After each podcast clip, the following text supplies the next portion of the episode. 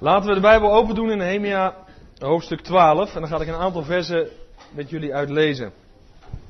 Ik zal vanmorgen meerdere delen aanhalen, dus het is belangrijk dat je je Bijbel in de aanslag houdt en dat je met me meeleest.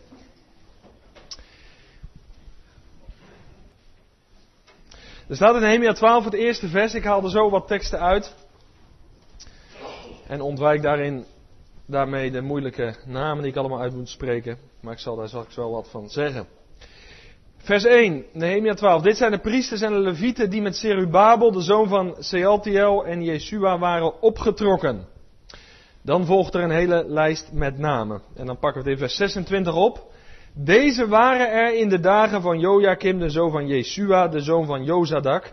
En in de dagen van Nehemia, de landvoogd en van de priester Ezra, de schriftgeleerde. Bij de inwijding van de muur van Jeruzalem zochten zij de levieten uit al hun woonplaatsen om hen naar Jeruzalem te brengen. Om met blijdschap de inwijding te verrichten, met dankzegging en met gezang, met cymbalen, luiten en harpen. De nakomelingen van de zangers verzamelden zich zowel vanuit omliggende, het omliggende gebied van Jeruzalem als vanuit de dorpen van de Netofatieten en vanuit het huis van Gilgal en vanuit de velden van Geba en Asmavet. Want de zangers hadden dorpen voor zichzelf gebouwd rond Jeruzalem. De priesters en de levieten reinigden zich. Vervolgens reinigden zij het volk, de poorten en de muur. Toen liet ik de vorsten van Juda de muur opgaan. Ik stelde twee grote dankkoren en processies op. De ene, het ene koor ging naar rechts over de muur, naar de mestpoort.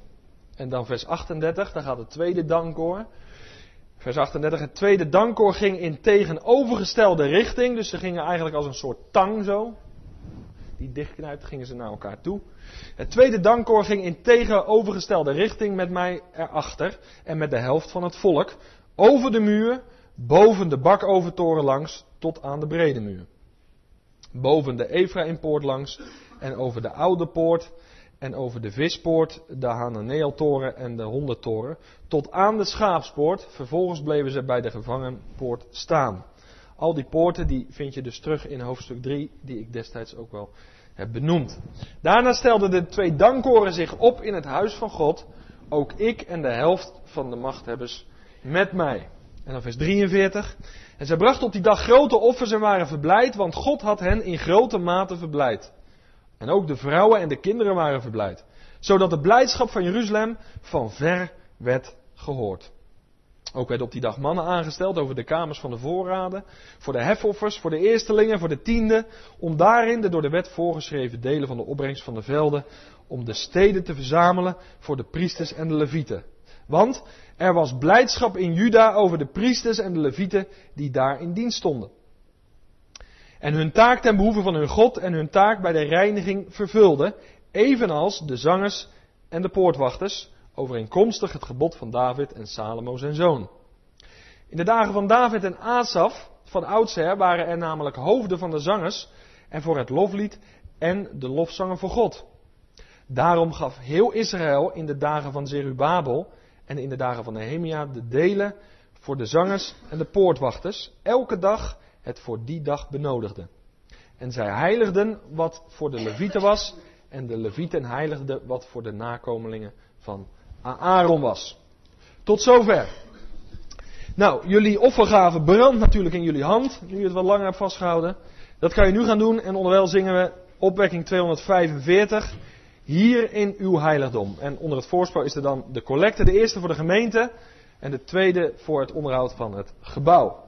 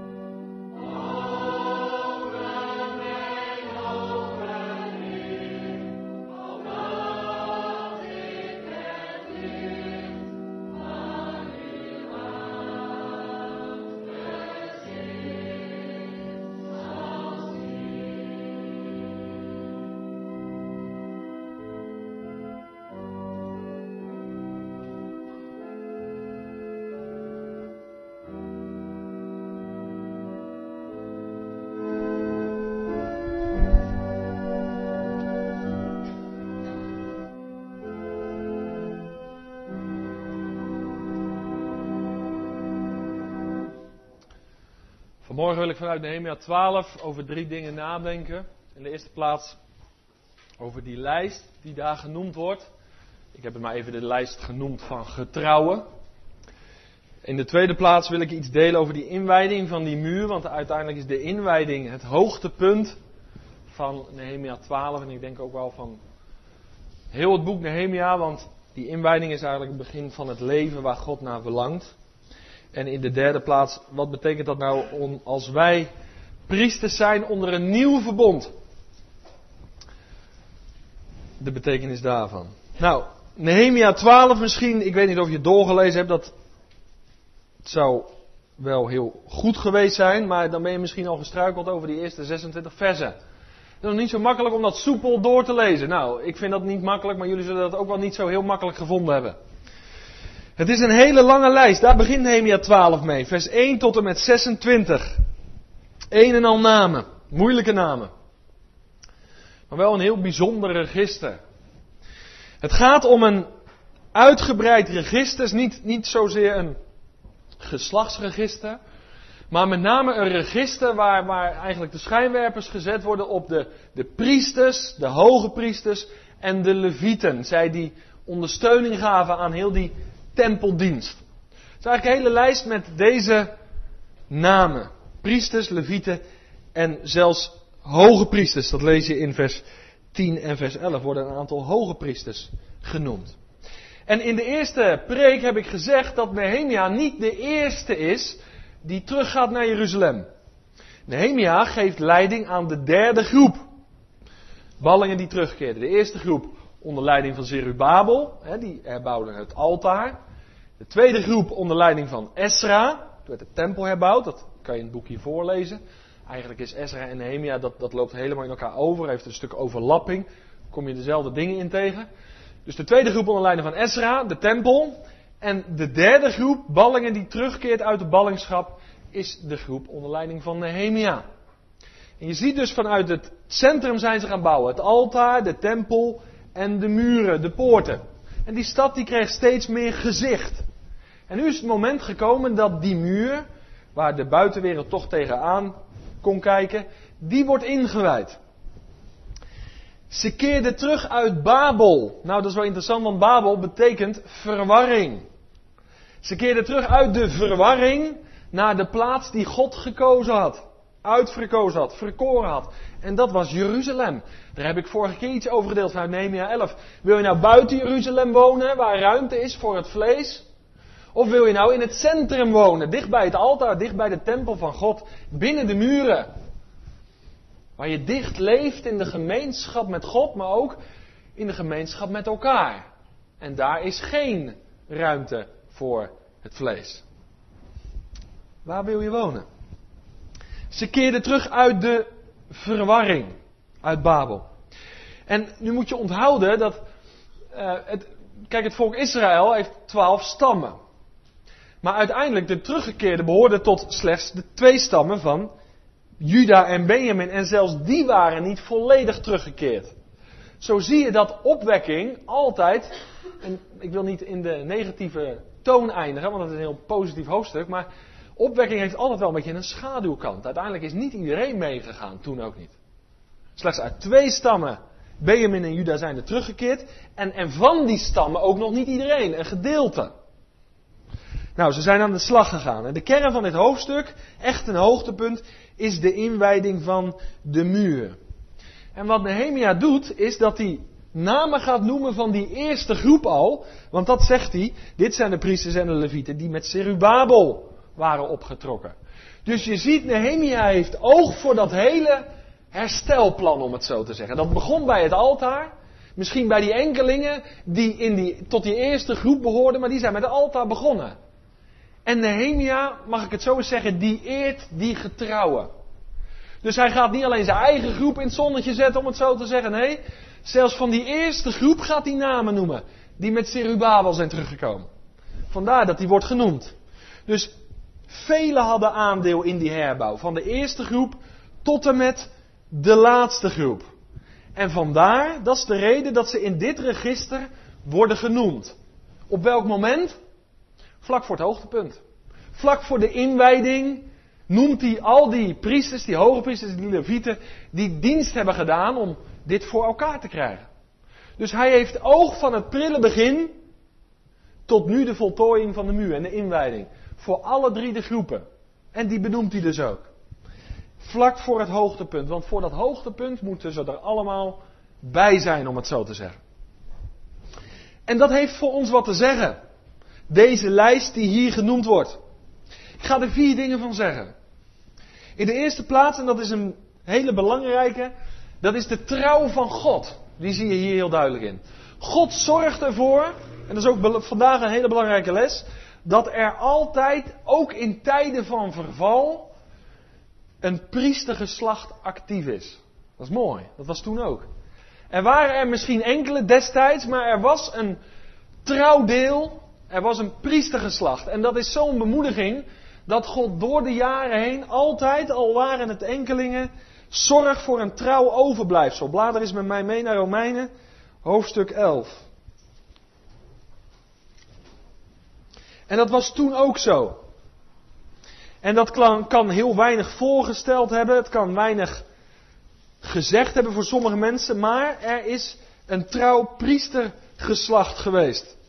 Wat hun taak niet heeft versloft, maar hun taak heeft waargenomen. In Romein 11 kom je dat bekende stukje tegen, vers 2. B. Of weet u niet wat de schrift zegt in de geschiedenis van Elia, hoe hij God aanspreekt over Israël en zegt, Heere, uw profeten hebben zij gedood en uw altaren afgebroken en ik ben alleen overgebleven. Ook staan zij mij naar het leven. Maar wat zegt het goddelijk antwoord tegen hen? Ik heb voor mijzelf nog 7000 mannen overgelaten die de knie voor het beeld van Baal niet gebogen hebben. Zo is er dan ook in deze tegenwoordige tijd een overblijfsel. Zo zie je dat toen Israël weggevoerd in ballingschap, er altijd een kern was die trouw was aan hun opdracht, aan hun roeping. Er was altijd, en dat is bemoedigend, een priestergeslacht. En daar zorgt God voor. Hij is het, de ik ben die ik ben, en ik zal zijn die ik zijn zal. Dat is de eerste. Dat kan je hieruit leren. Tweede, en dat is voor ons een hele belangrijke les. Ik heb dat natuurlijk net met die stok een beetje eenvoudig weergegeven. Maar als wij zien op Jezus, dan kunnen er heel veel dingen rondom ons gebeuren. Het wil niet zeggen dat wij een hele vlakke reis hebben door dit leven. Nee, in tegendeel. Maar uit dit register blijkt dat er geen omstandigheid is dat God niet gebracht kan worden wat hem toekomt. Dat is een hele belangrijke. Het verval en de puinhoop in Jeruzalem, dat was enorm. Ik heb wel eens een, ik weet niet of ik dat hier vertelde, een verhaal van een schilder bij ons kantoor toen ik daar nog werkte. Hij zegt, ik zeg, joh, zie jij nou altijd door die klussen heen? Als ik ergens een hekel heb, is aan schilderen. Nou, eerst schuren, dan plamuren, en dan gronden, en dan weer schuren, en dan eindeloos. En zeker als je rotte plekken tegenkomt, moet je dat eerst weer gaan repareren, maar je wil naar die lak toe. Het allemaal eer je daar bent. Hij zei, ja, ik heb huizen, dat, dat, dat, is ongekend wat je daar dan ziet. Ik zeg, maar hoe, hoe, doe je dat dan? Als je zo'n huis ziet, nou meneer, dit is uw opdracht. Succes, ik ga koffie drinken of ik ga aan het werk. Hij is voor u. Hij zei, je moet gewoon ergens beginnen. Ja, dat is wel heel simpel, maar dat is wel waar, ja. En ik was gisteren bij Aard op het landje een beetje aan het zagen en aan, aan het rommelen. En dat is ook een heel, heel stuk gul met allemaal bomen. Ja, waar moet je beginnen? Ja, je moet ergens beginnen. En, en dat is zo belangrijk. Er kunnen puinhopen zijn, maar je zou ergens moeten beginnen. Er moet ergens een punt komen dat puinhopen worden opgeruimd. En dat vraagt een trouw priestergeslacht vandaag en toen was dat daar. Blader is naar Psalm 42. En het tweede punt was dus dat er nooit een omstandigheid is waarin God niet gebracht kan worden wat hem toekomt. Te midden van moeilijkheden, puinhopen en wat iets meer zijn. In de meest moeilijke omstandigheden worden we geroepen om God te dienen in getrouwheid. Zoals dat hele kleine deel misschien daar met Serubabel terug is gekeerd, maar ze zijn begonnen. En nu zijn we bij de inwijding. Nou, wat lezen we in Psalm 42? Dat raakt mij altijd heel erg, vers 5. Hieraan denk ik en ik stort mijn ziel in mij uit, hoe ik meeging in de stoet en met hen optrok naar Gods huis, onder luide vreugdegezang en lofliederen, Een feestvierende menigte. Wat buigt u zich neer, mijn ziel, en bent u onrustig in mij? Hoop op God, want ik zal hem weer loven voor de volkomen verlossing van zijn aangezicht. En dan vers 12. Wat buigt u zich neder, mijn ziel, en wat bent u onrustig in mij? Hoop op God, want ik zal hem weer loven. Hij is de volkomen verlossing van mijn aangezicht en mijn God. Er is geen omstandigheid in ons leven, en ik zeg het in de eerste plaats tegen mezelf, waarin wij God niet kunnen brengen wat hem toekomt. Alleen dat vraagt die stok in ons leven, hè, het omhoog kijken. En er was onder dat oude verbond een groep getrouwen die getrouw was in de priesterdienst. En die God toch gingen toebrengen, al was het heel beperkt, heel minimaal. Want het leefde natuurlijk nog niet ten volle, ze, waren, ze gingen herbouwen, maar er was in hun hart een kern wat trouw bleef in het dienen aan God. En die lieten zich door geen omstandigheid weerhouden om God toe te brengen wat hem toebehoort. Nou, die lijst, die eerste 26 versen, geven daar getuigenis van. Dat waren de namen die getrouw waren. Dat is belangrijk voor ons. Velen die zeggen, nou als het zo moet in mijn leven, dan hoeft het niet meer. Maar hieruit blijkt, te midden van de puinhopen, ja, dat was nog geen reden om op te geven. Het is altijd te vroeg om op te geven. En dat komt ook hier naar voren. Dat is het tweede. Het derde, dat is deze. God geeft eer en genade aan hen die oprecht zijn. Moet je eens even een paar bladzijden verder bladeren naar Psalm 84.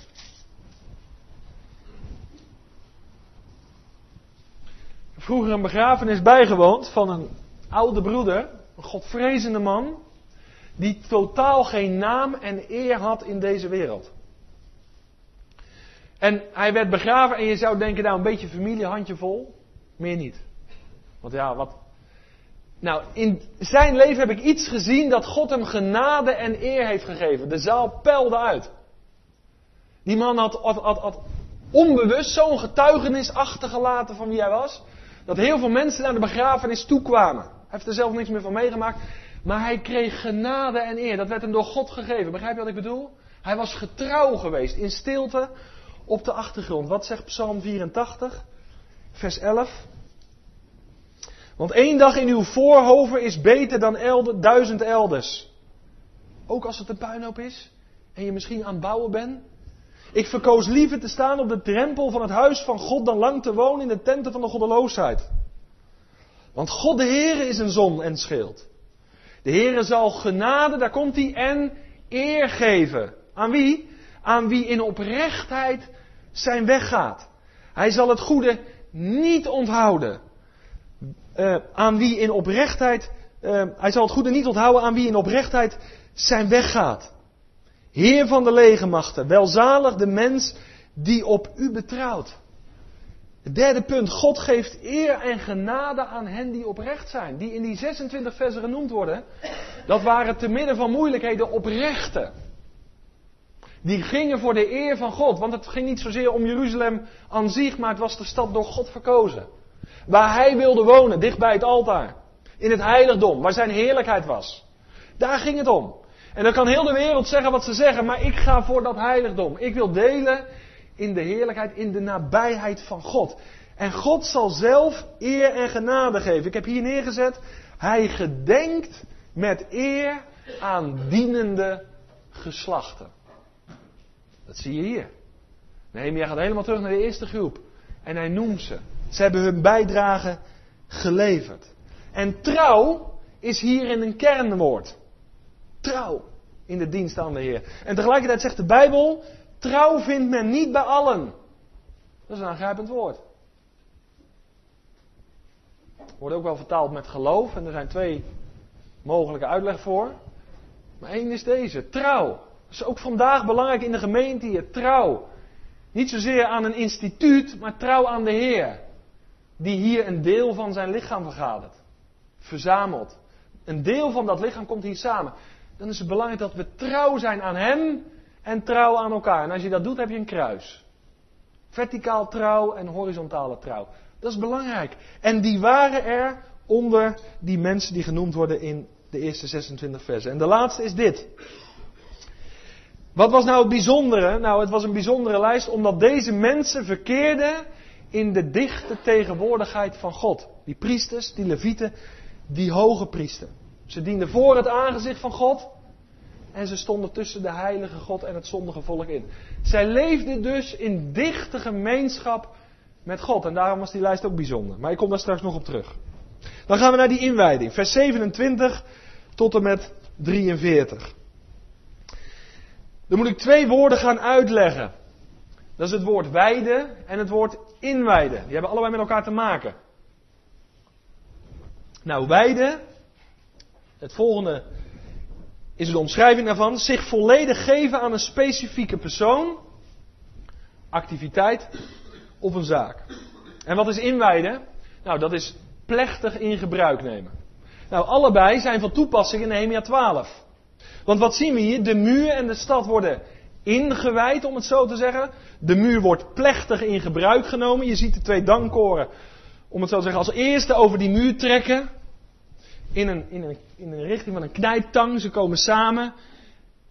Uiteindelijk aan het einde van de rit. Ze wijden hem in. Ze nemen hem plechtig in gebruik.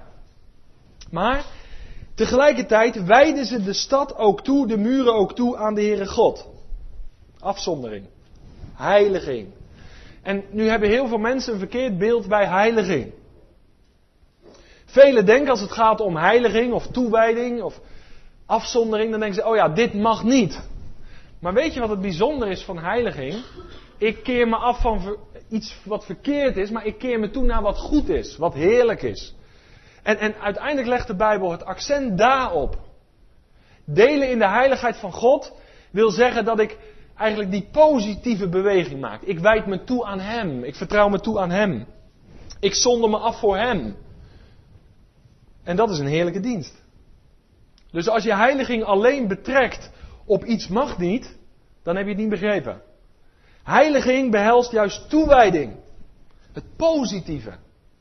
En dat is wat hier gebeurt. De stad behoort de Heere God toe. En je ziet ze eigenlijk lopen op de muren. En ik ben niet zozeer voor het proclameren op de muren van Jeruzalem, maar je ziet ze een rondje om de stad lopen en dat heiligdom is voor u, Heer. Dat altaar is voor u, Heer. Alles komt u toe. En we willen binnen die muren, dicht bij het altaar, u dienen, u lofprijzen, u aanbidden. En zo wijden ze de muren en de stad in. Ze wijden hem in, maar ze wijden het ook toe. Het komt hem toe. Ze geven het terug aan de Heere God. Nou, en nu lezen we in vers 27 onder andere, vers 40 en vers 43, dat het er heel vrolijk en opgewekt aan toe ging. Waar of niet? Het was een vrolijke gebeurtenis. En je zal zeggen, nou was daar reden voor dan? Nou, van de week heb ik, heb ik dat lied, dat ken je allemaal wel, een paar keer gedraaid bij de Rivers of Babylon. Dat is een heel vrolijk lied, toch? Nou moet je Psalm 137 er even bij pakken. Ik wilde bijna voorstellen dat we het gingen zingen. Maar, kijk, weet je, ik, ik, ik, weet niet hoe je dit nou ervaart vanmorgen, maar wij kunnen dat gedeelte lezen, nou is wel aardig. Maar, maar die mensen die hebben in de ellende gezeten, dat was, dat was ongelooflijk. Weg van de stad die God hen gegeven had. Verstrooid, verdeeld, weggevoerd. En nou komen ze terug met een deel. Maar ja, in Psalm 37, daar lees je waar ze zaten. En, en dan moet je dit even onthouden. Er zijn vandaag heel veel mensen die klagen en die verdriet hebben en die nood hebben. Maar heel veel nood en verdriet en klagen komt voort uit de gevolgen van de zonde. En nou ga ik geen voorwaarden stellen, maar de vraag is: hebben wij alleen verdriet over gevolgen van de zonde of gaan we echt naar de wortel toe? Heb je echt verdriet over je zonden? Als daad? En misschien zijn er hier die nog onder de macht, de zonde leven. Of, of klagen we alleen maar over de gevolgen, dat wat eruit voort is gekomen. Heel veel mensen die zijn daar alleen mee bezig. En de vraag is even in Psalm 137 waar het accent bij het volk lag. Ja, het is niet fijn om in Babel in verwarring te verkeren, toch? Maar hadden ze het echt begrepen waarom ze weggevoerd waren? Nou, wat zegt Psalm 137? Aan de rivieren van Babel, daar zaten wij. Ook weenden wij als wij aan Sion, hè, dat heb ik vorig jaar uitgelegd, dat is Jeruzalem, dachten. Wij hadden onze harpen gehangen aan de wilgen die daar binnen zijn. Nou, dan weet je gelijk waar het spreekwoord vandaan komt. Toen zij die ons gevangen hielden daar woorden van een lied van ons verlangden. En wie ons omvergeworpen hadden, omvergeworpen hadden blijdschap. Zing voor ons een van de liederen van Sion, zeiden wij. Hoe zouden wij een lied van de Here zingen in een vreemd land? Voel je het? Dit was de situatie, dit was verwarring. Nou zijn ze terug. Ze hadden nooit kunnen denken dat altijd weer die tempel, de muren. Ja, dan, dan word je, daar word je vrolijk van, toch? Ze hebben die harpen gepakt natuurlijk van die wilgen weer af. En ze zijn gaan spelen en David wordt genoemd. En Salomo wordt genoemd. Er is muziek gemaakt. Het ging er vrolijk opgewekt aan toe. Omdat er iets heel wezenlijks veranderd was. Ze waren terug daar dicht bij het vaderhart van God, bij het altaar. En het leven binnen de muren kwam weer op gang. En dat leven was tot eer en glorie van God. Zou je daar niet blij van worden? Ze hadden vanuit Psalm 37, 137 reden. Daar bij de rivieren van Babylon. De Eufraat en de Tigris. Daar hebben ze gezeten. Maar, maar nu dat grootste moment. Terug daar waar ze de plek van God gekregen hadden. En het is de vraag. Als jij kijkt, als u kijkt, waar kom je vandaan? Als je uit de verwarring komt, dan heb je toch reden om opgewekt te zijn. De verwarring van je eigen denken verduistert in het verstand, zegt de Bijbel. Bekering begint tussen je oren. Heel veel mensen die beginnen aan de buitenkant, maar bekering begint tussen je oren. Metanoia, kom tot nadenken. Kom tot inkeer. Je was verduisterd in je verstand, verwarring. En als je God ontmoet, als je Jezus Christus ontmoet, dan gaat hij je denken weer ordenen. Wordt vernield in je denken. Zodat de verwarring er, eruit gaat. Zodat je over de wereld gaat denken zoals God erover denkt. Zoals je over jezelf, dat je over jezelf gaat denken zoals God erover denkt. En zoals je over God gaat denken zoals Hij zich openbaart. En dan gaat de verwarring wijken. Dan laat je de waarheid toe in je denken. Wat de leugen ontmaskert in je eigen leven en in de wereld om je heen. Nou, als dat in je leven gebeurd is, je tot geloof en bekering bent gekomen, dan ben je uit de verwarring gevoerd. En dan mag je leven dicht aan het vaderhart van God. Hebben wij nog reden om blij te zijn? Er zei eens een predikant, waar zie je langere gezichten dan in de kerk? Ja, dat is niet zo'n getuigenis, nee. En dat niet zomaar een tandpasta glimlach, maar echt die diepe innerlijke vreugde. En ik zit jullie zo aan te kijken en dan lees je in Nehemia 12. Nou, fijn dat die mensen die muur inwijden, leuk. En Psalm 137, ja, ik zie het plaatje voor me, die wilgen en die harpen eraan. Maar die mensen waren echt verdrietig, hè? die waren echt in nood. En wij? Als je echt in nood hebt gezeten en geen uitkomst ziet. En je mag nu delen in de vrede met God, de gemeenschap met Hem door Jezus Christus. Niet meer de God boven je, onder je, naast je, maar Hem in je. Heb je toch reden om, om vreugdevol te zijn, om blij te zijn. Ja, maar Jacques, het gaat maar niet van de leien dakje. Nee, mij ook niet. Maar ik heb net iets met de stok uitgelegd. Dat is het geheim. De vervolgde kerk gaat het ook niet van een leien dakje. Geen enkele christen. Ons is geen kalme reis beloofd. Maar wij moeten leren om te volharden in de verdrukking. Te roemen, zegt Paulus, in verdrukking. En dan moeten we elkaar toe stimuleren. Moeten we elkaar toe aanmoedigen. En heb je altijd reden om te danken. Nou, ik denk dat we tijd tekort hebben voor gebed straks. Voor dankzegging. Nu is het opmerkelijk dat in Nehemia 12 de muur pas wordt ingewijd. Want in Nehemia 6 vers 15 lees je dat die voltooid was. De vraag is even, maar goed, dat mag je technisch thuis uitzoeken of dat moment zo heel ver uit elkaar heeft gelegen. Het is wel wonderlijk dat daar een orde in zit. Hij is voltooid en dan pas de inwijding. En als je het boek Esra en Nehemia goed leest, dan kan ik maar één verklaring daarvoor geven. Dat is dat God eerst innerlijke toewijding wil, voordat we aan het uiterlijk beginnen. Want je ziet de terugkeer van het volk, je ziet de tempel herbouwd, de muur herbouwd. Maar dan hoofdstuk 9, daar komt de bekering van het volk, de innerlijke vernieuwing, de innerlijke toewijding. Komt in hoofdstuk 9, nou dat is een stukje na 6. En dan komt in 12 de inwijding van de muren. Zie je het? Terugkeer, herbouw, innerlijke toewijding, bekering, vernieuwing. En dan komen die muren. Dat is vandaag nog zo. Kijk, je kan een heel mooi pak aan hebben, net als ik. Smaken verschillen natuurlijk. Maar je kan een huigelaar van binnen zijn. Jezus zei, ik heb pas in de gemeente gezegd, gemeente als ik hier nou had gekomen, ik weet niet waar ik was, Maar ik had gezegd, goedemorgen, wit gepleisterde graven. Nou, dat had de laatste spreekbeurt daar geweest. Wie bent u wel dat u dat zegt? Nou, Jezus die zei het ook tegen sommige mensen. Dat zei hij, hij wandelde op aarde, ja, zijn woorden waren altijd vriendelijk en zijn stem was altijd zoet. Nou, niet echt. Je bent een huigelaar, zei hij. Aan mensen die uiterlijk wel heel wat vertoonden, maar innerlijk dubbelhartig waren. Jezus had, had, had minder moeite met een hoer, om het zo te zeggen, dan met een religieus mens. Dat is vandaag nog zo. Mensen die uiterlijk helemaal kloppen, maar innerlijk dubbelhartig zijn, dan heb je aan Jezus een grote tegenstander. heb je een probleem met hem. En hier zie je bij die inwijding van die. Ja, het gaat eerst om de kern. Het altaar roken, de tempeldienst en dan die muren. Maar hoeveel mensen zijn hier bezig met de buitenkant? En werken er eigenlijk kapot om die buitenkant in orde te maken. Nou, dat even over de volgorde. En dat dat inwijdingsfeest, hè? Nou, inwijdingsfeest, dat was puur een ritueel. Stond niet voorgeschreven in de boeken van Mozes, maar dat ontstond heel spontaan. Je komt dat meer tegen bij de inwijding van de tempel van Salomo, 2 Kronieken 5 en 6. Bij het leggen van de fundamenten van de tempel in Esra. En je ziet het ook toen David de ark terugbracht naar Jeruzalem. Inwijdingsfeesten, rituelen.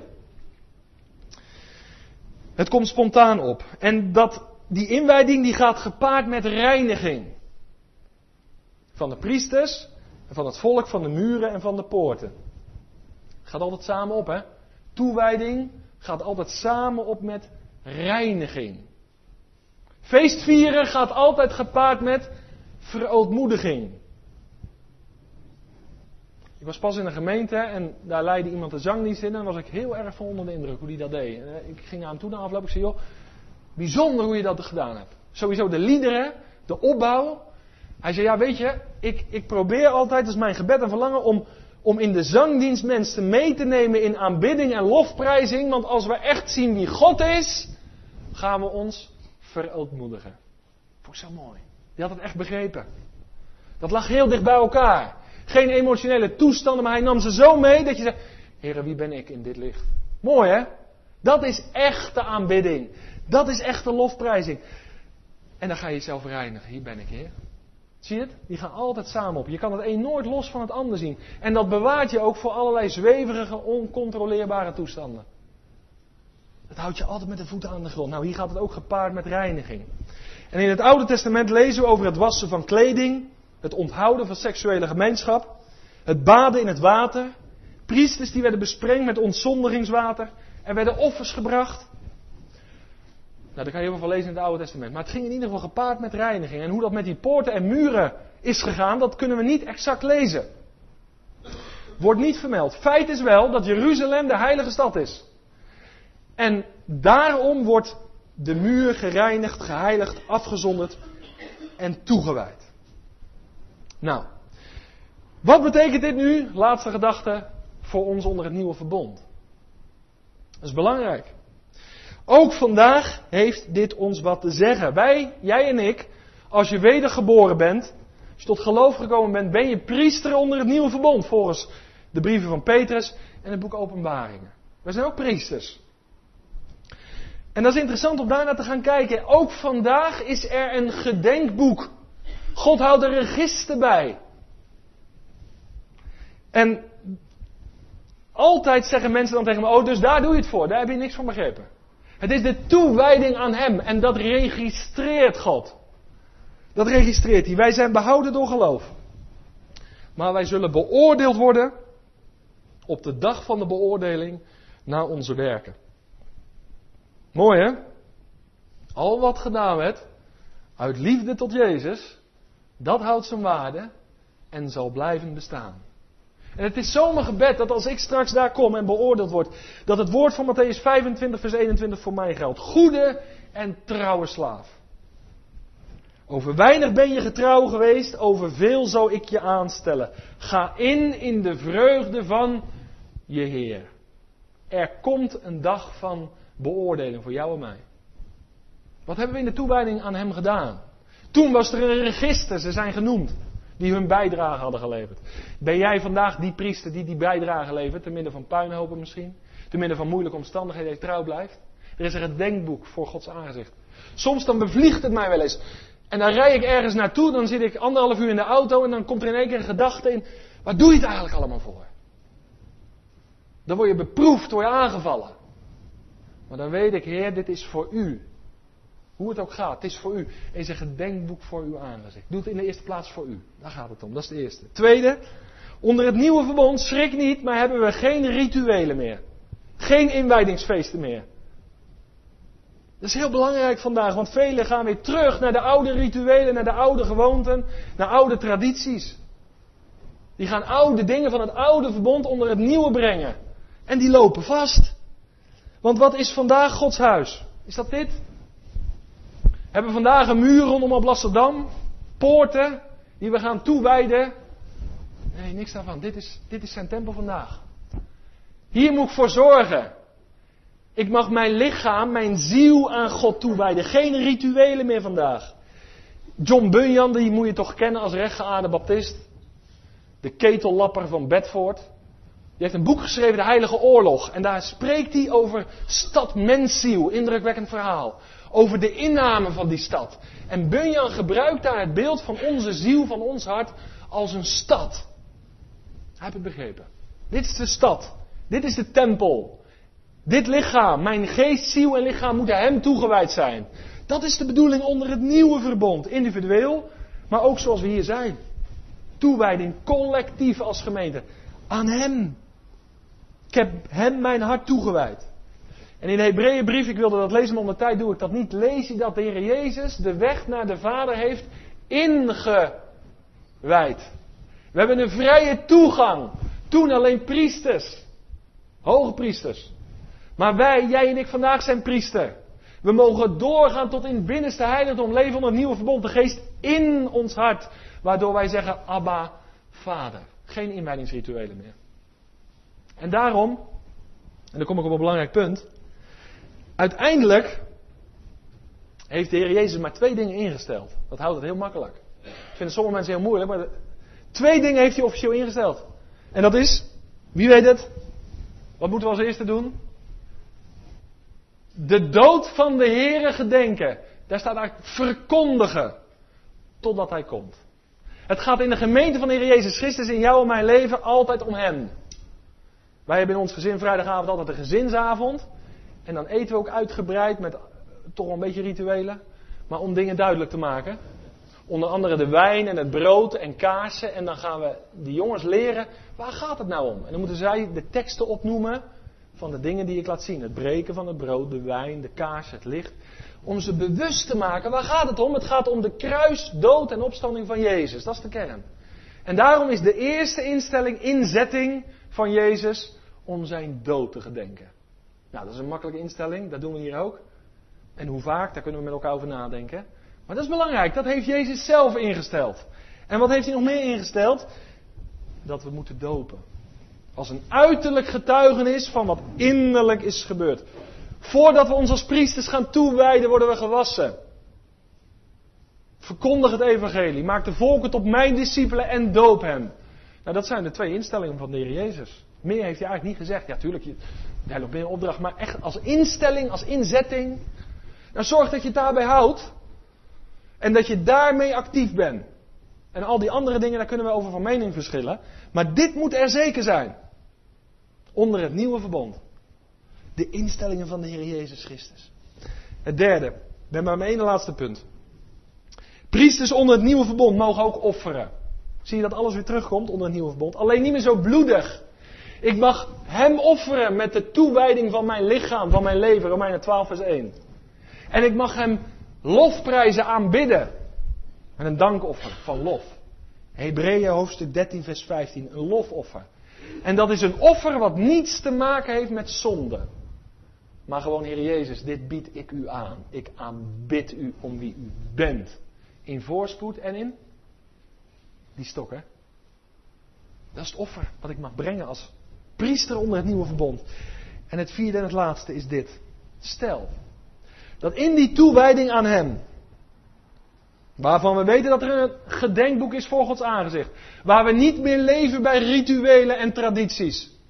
Sommige tradities zijn overigens heel goed hoor, die moet je gewoon in stand houden.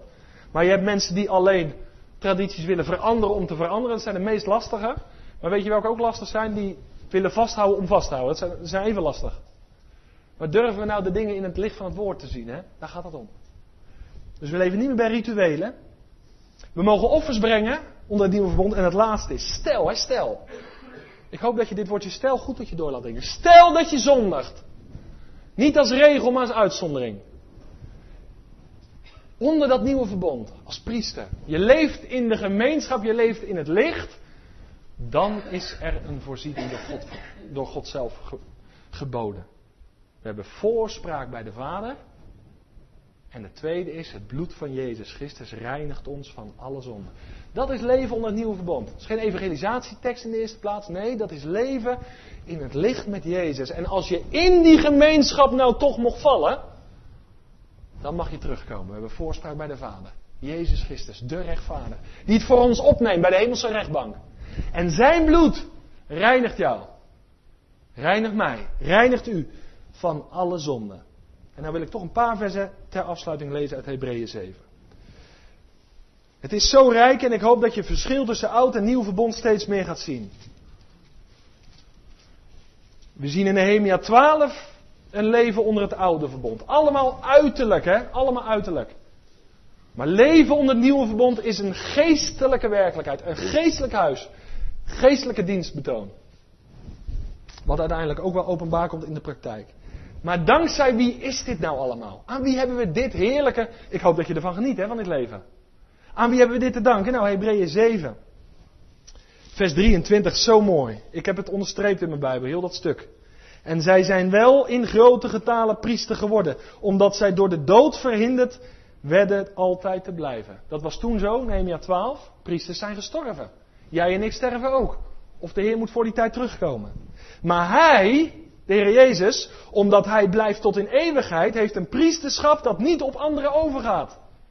Daarom kan hij, het gaat altijd om hem, ook volkomen zalig maken wie door hem tot God gaan, omdat hij leeft om voor jou en mij te pleiten. Want zo'n hoge priester hadden wij, even hardop met z'n allen, zo'n hoge priester hadden wij nodig. En die is er dus heilig, onschuldig, onbesmet, afgescheiden van de zondaars en boven de hemelen verheven. Hij heeft het niet nodig zoals de hoge priester elke dag eerst zijn eigen zonde, voor zijn eigen zonde slachtoffers te brengen en pas daarna voor die van het volk, want dat heeft hij voor eens en voor altijd gedaan toen hij zichzelf offerde. Onze hoge priester is voorgegaan. Wij mogen volgen, onszelf offeren. Want de wet stelt mensen die met zwakheid behept zijn aan als hoge priesters. Maar het woord van eed, die na de wet gezworen is, stelt de zoon aan.